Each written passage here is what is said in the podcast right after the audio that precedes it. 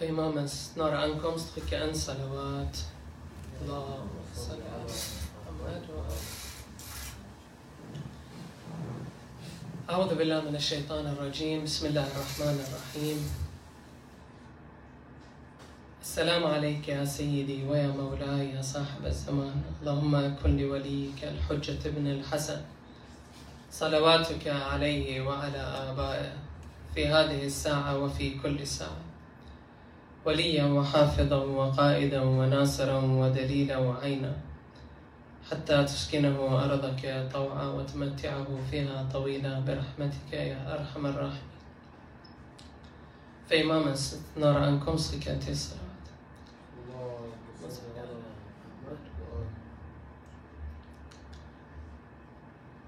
جنات عدن يدخلونها. ومن صلح من آبائهم وأزواجهم وذرياتهم والملائكة يدخلون عليهم min kulli bab.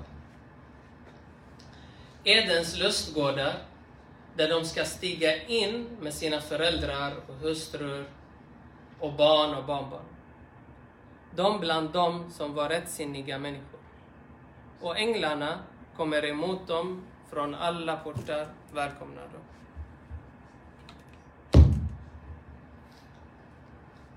Här nämner Koranen att paradiset har flera dörrar. Och det är inte på grund av att de troende inte får plats genom en dörr. Det handlar alltså inte om mängden. Och det är inte för att det är olika folkgrupper eller för prydnad och dekoration av paradiset. Utan flertalet dörrar står för de olika handlingar som den enskilde utför. Vi kommer prata om de här dörrarna. En av dessa dörrar kallas för Babil Mujahedin. Och det är dörren för de som kämpar för Guds sak och där änglarna välkomnar dem in i paradiset. Å andra sidan så nämner Koranen att helvetet har bara sju dörrar. Varför har paradiset fler dörrar än helvetet? Det är ett tydligt tecken, och Gud egentligen vill säga till oss, att vägarna till lycka och evigt paradis är mer än vägarna som leder till elände och helvete. Och som vi brukar läsa i Dua Joshen, Ja men sabaqat rahmatuhu ghadaba. Och han vars barmhärtighet föregår hans fred. Koranen är fylld av hemligheter, asrar. Och det vackra i detta är att föregående verser, innan versen som vi inledde dagens föreläsning med, lyfter upp de här åtta egenskaperna och refererar till Ulul Elbab. Att det här är Ulul Elbabs egenskap, alltså de som tänker, de som reflekterar. Varje en av dessa åtta egenskaper är en dörr av paradisets dörrar. Och varje en av dem är vägen till evig lycka och glädje. Så vi ska läsa de här verserna och kolla vilka egenskaper de refererar till. Dörr 1. Bismillah ar-Rahman ar-Rahim. الذين يوفون بعهد الله ولا ينقضون الميثاق. Alltså de som håller fast vid förbundet med Gud och följer sina högtidliga åtaganden. Så första dörren, första egenskapen av Ulul Albab pekar på en jätteviktig sak. Att hålla löften. Att inte avvika från sina ord. Och det här egentligen, det går tillbaka till varje människa. Det spelar ingen roll vilken tro, vilken religion, vilken etnicitet, vilken folkgrupp. Det är en mänsklig lag i samhället, i alla samhällen i hela världen. Att hålla ordet är jätteviktigt. Den som bryter ett ord, ett löfte, som sviker löftet, Det är en bortkastad handling. Och det som är spännande är att Allah subhanahu wa ta'ala sätter den som en av de första egenskaperna till de som tänker och de som reflekterar. Att reflektera och tänka över vad ger jag för löfte i min värld? Vad lovar jag? Det kan vara allt från att eh, lova att hämta någonting till eh, sina barn. Det kan vara att lova att utföra ett arbete på jobbet. Eh, att lova att eh, fullfölja en eh, uppgift och göra den och lämna den i tid. Eller att komma i tid, det är också i sig ett löfte. Alla sådana löften går tillbaka till ens tro. Tror jag på det? Gör jag det? Håller jag vid dem? Eller avviker jag från dem? Och Allah subhanahu wa ta'ala har tagit det här löftet från oss. Och vi har lovat, alla vi som är troende och tror på honom, vi har lovat att försöka på bästa sätt fullfölja den här vägen och inte avvika från löftet. När man bryter, när man gör fel och misstag, självklart, dörren av Tauba är alltid öppen. Så dörr nummer två är kopplad till det här. Vad säger Gud där? وَالَّذِينَ يَصِلُونَ مَا أَمَرَ اللَّهُ بِهِ أَنْ يُوصَلَ De som håller samman det som Gud har befallt ska vara sammanfört. Så egentligen det här löftet som jag har gett här för de ulul albab, de som tänker och reflekterar. Vad är det som Gud vill av mig? Vad har Gud befallt mig? Och det är allting från alla saker som Gud har sagt till oss. Han gillar att vi ska göra. Och alla saker som Gud nämner i Koranen och som vi fått via profeten och Ahlul Bayt salam som de ogillar att vi utför. Dörr tre. وَيَخْشَوْنَ رَبَّهُمْ De står i bävan inför sin Herre. Det räcker inte bara att följa löftet och utföra halal, avstå från haram. Utan det kräver också den här khashya, den här formen av bävan. Och den får man på olika sätt. Man kan få den genom andlighet, man kan få den genom de rekommenderade handlingarna som eh, vi utför. De hjälper till att öka den här bävan och den här khashya. För den är inombords. Den här fruktan för Allah subhanahu wa ta'ala i positiv form, där man har den här respekten och vördnaden. Att den inte ska vara när jag, är, när jag utför vissa handlingar ute bland allmänheten, när jag är i moskén eller när jag är på en ziyaraplats. Utan Överallt. Det kan vara ute i Liseberg, i stan, i skolan, på arbetsplatsen. Att man har den överallt med sig. Hemma. Oavsett miljö, oavsett vilka som är runt omkring Den här vördnaden och respekten som man har till Allah subhanahu wa ta'ala ska också reflekteras till hans, till hans skapelse. Annars ett paradis utan de här sakerna egentligen, det är inget paradis. Och det leder oss till nästa dörr, dörr fyra. وَيَخَافُونَ سُؤَ الْحِسَابِ Och ängslas för räkenskapens svåra stund. Khauf. Rädsla, för de sitter och räknar. Och den här räkningen, det är inte den här räkningen som man sitter och räknar hur många goda handlingar som man har gjort, hur många synder man har gjort och sen plus minus och sen försöka få en... Inte på det sättet, utan räkna varje steg man gör. Varje sak som man vill utföra. Kommer det här leda mig närmare Allah subhanahu wa ta'ala? Kommer det föra mig bort från honom? Precis som man sitter och räknar sina fakturor, sin inkomst, sina utgifter för att sen se hur mycket man sparar. Det är samma sak. Man sitter, man gör ett överblick och nu när vi närmar oss slutet av året, det är värt att reflektera och tänka. Sitta och tänka, vad har jag utfört det här året? Har jag kommit närmare mitt mål?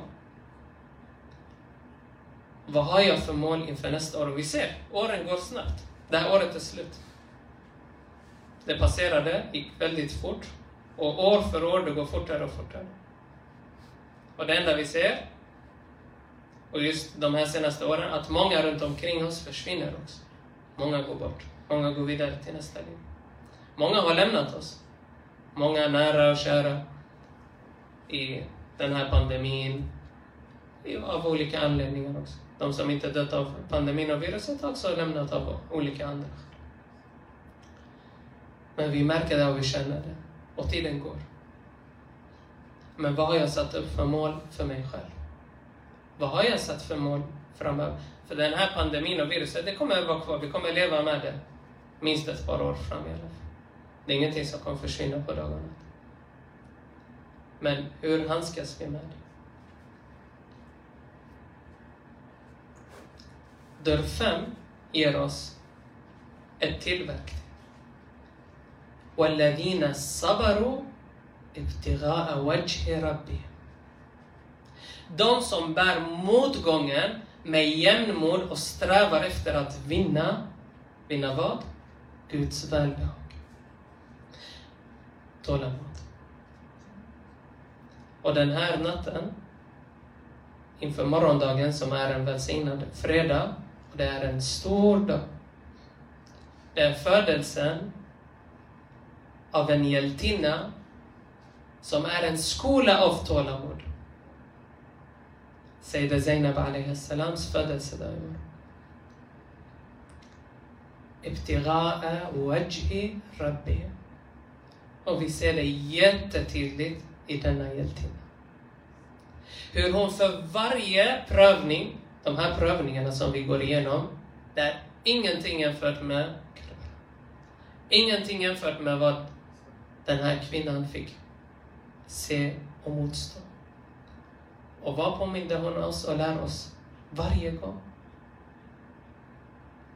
Gud, för din skull, för dig, för din reda, för ditt nöje.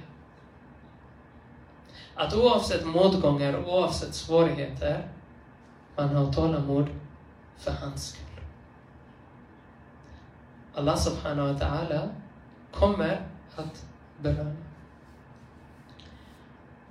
Och vad är det som man tar till hjälp för att hålla det här tålamodet igång? Det nämner Gud i dörr 6. وَأَقَامُوا salat Som förrättar bön. Salat, bönen, vi pratade om den förra gången. Hur viktig den är, den är ett hjälpmedel för att hålla igång det. Den här relationen med Allah subhanahu wa ta'ala som vi pratade med, att den ska vara levande. Jag ska kunna se den i svårigheter. Jag ska kunna se den när jag har det bra. I medgång, i motgång. När det är svårt att be, när det är svårt att utföra bönen på arbetsplatsen, på eh, en obekväm plats, på en plats där det inte är lika lätt att be. Som när det är att be hemma. Liksom. Hemma, i ditt eh, rum, i den platsen där du har ägnat för dyrkan, det är mycket enklare. Du står där, du är bekväm. Men eh, där du inte är bekväm, där du ska behöva be på, ute på en arbetsplats och skynda dig för att kunna återgå till arbetet och så vidare. Det här är också en prövning i tålamod.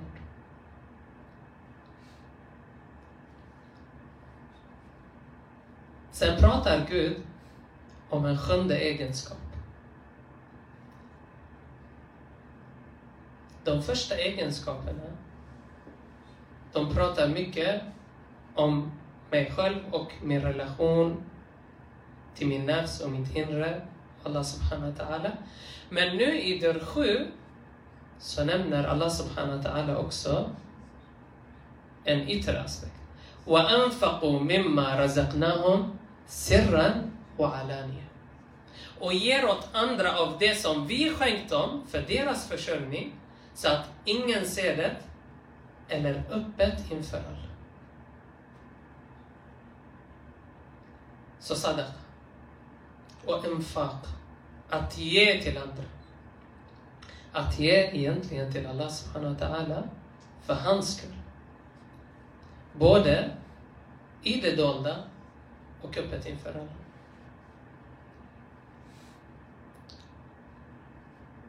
Och den sista dörren, وَيَدْرَؤُونَ بِالْحَسَنَةِ السَّيِّئَةِ och som fördriver ont med gott. Den punkten är väldigt speciell. Det är jättelätt att bemöta godhet med godhet. Nästan vem som helst kan göra det. Men att bemöta och fördriva ondska med godhet, du behöver de övriga punkterna. Du behöver de övriga egenskaperna för att kunna göra det. Det här är det sista dörren. Det finns en berättelse från en shahid. Och denna shahiden är väldigt speciell. Det återberättas från hans vänner i hans ungdom. Han var ute en gång och det blev slagsmål mellan hans kompisar. Så han höll en av dem. Kramade om honom och höll honom för att hindra honom från att slå den andra personen. Och han skrek åt honom och sa till honom, släpp mig. Och han vägrade. Vår shahid vägrade släppa Höll om honom och vägrade släppa honom. Och han insisterade och skrek, släpp mig, jag vill slå honom, annars jag kommer slå dig. Vår shahid vägrade upp. Trots det höjde han handen och örfilade honom. När alla runt omkring såg det här frös de till och tittade och tänkte, vad kommer vår shahid göra?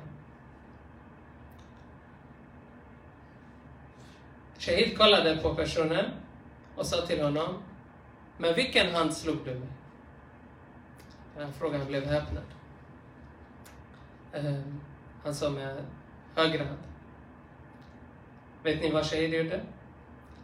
Han tog hans hand och pussade.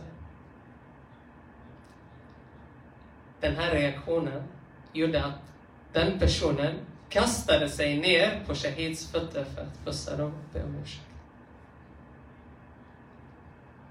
Ibland med enkla medel, genom att kontrollera ilskan, kan man vända på en situation helt och hållet. Och den här egenskapen är unik för de här personerna, särskilt de som såg den och de som återberättar den. Även idag, många år senare, skakar den här händelsen om oss. Och det finns många sådana exempel. En sån händelse kan ändra på en person helt och hållet. Hur många sådana fall har vi inte eh, sett framför oss under vår uppväxt? I skolgården, skolan, på jobbet där vi har sett andra bemöta andra illa, rasistiska kommentarer, orättvisa som sker framför ögonen och mycket annat. Att Allah subhanahu wa ta'ala nämner det en av åtta egenskaper för de som tänker och reflekterar att fördriva ondska med godhet. Och en hel dörr, de här dörrarna, det betyder de här egenskaperna. Om jag behärskar dem, det är en garanterad plats i paradiset de här egenskaperna må vara väldigt lätta att nämna och prata om, så här. men de är mycket svårare. Det är därför Allah subhanahu wa ta'ala säger det är inte för de troende, det är inte för eh, muslimer, det är inte för den gruppen eller den gruppen. Nej, det här är för ulul albab. För dem som tänker och reflekterar. Det här är något man ska ha med sig och tänka på hela tiden. Alla de här egenskaperna är en ständig kamp varje dag man utsätts för. Så det här kommande året som vi har framför oss och som versen efter avslutar med Ulaika lahum uqbad. Deras mål är de eviga boningarna. Med det här målet i sikte kan man redan nu, de sista veckorna nu av det här året, sitta och summera. Hur har året gått? Vad har jag fått med mig? Vilka hinder har jag haft längs vägen? Om man inte redan har en, en mall eller vissa frågor som man betar av år för år, de här egenskaperna kan vara en bra referens. Att man listar upp dem och tittar. Hur mycket av dem har jag haft med mig under året? Hur mycket ondska har jag fördrivit med godhet? Hur mycket emfat har jag gjort i Guds väg? Hur har min bön varit? Är den likt förra året? Eller har den förändrats? Har den blivit bättre? Har min relation till Allah subhanahu wa ta'ala blivit bättre? Eller har det, billah, gått åt andra sidan? Vilka hinder, vilka hinder och vilka svårigheter har jag haft? Har jag haft tålamod? Och mitt tålamod har den varit för Allah subhanahu wa ta'ala, för att vinna hans välbehag. Har jag haft den här muhasaba som Gud vill utav mig? Yakhafuna su'al hisab. Hur mycket khashya har jag haft i mitt inre? Och sen, löftet med Allah subhanahu wa ta'ala. Hur hårt har jag hållit fast vid det? Ta med dessa frågor och reflektera över dem syskon. Nu när året närmar sig sitt slut så inshallah, vi ber Allah subhanahu wa ta'ala att hjälpa oss, rannsaka oss själva och förbereda oss för kommande år. Och inshallah med nästa år ännu närmare vårt mål och ännu närmare Imamens snara ankomst. Och inshallah för hans välgång och hälsa avslutar vi inshallah med en salawat ala Muhammad och Ali Muhammad.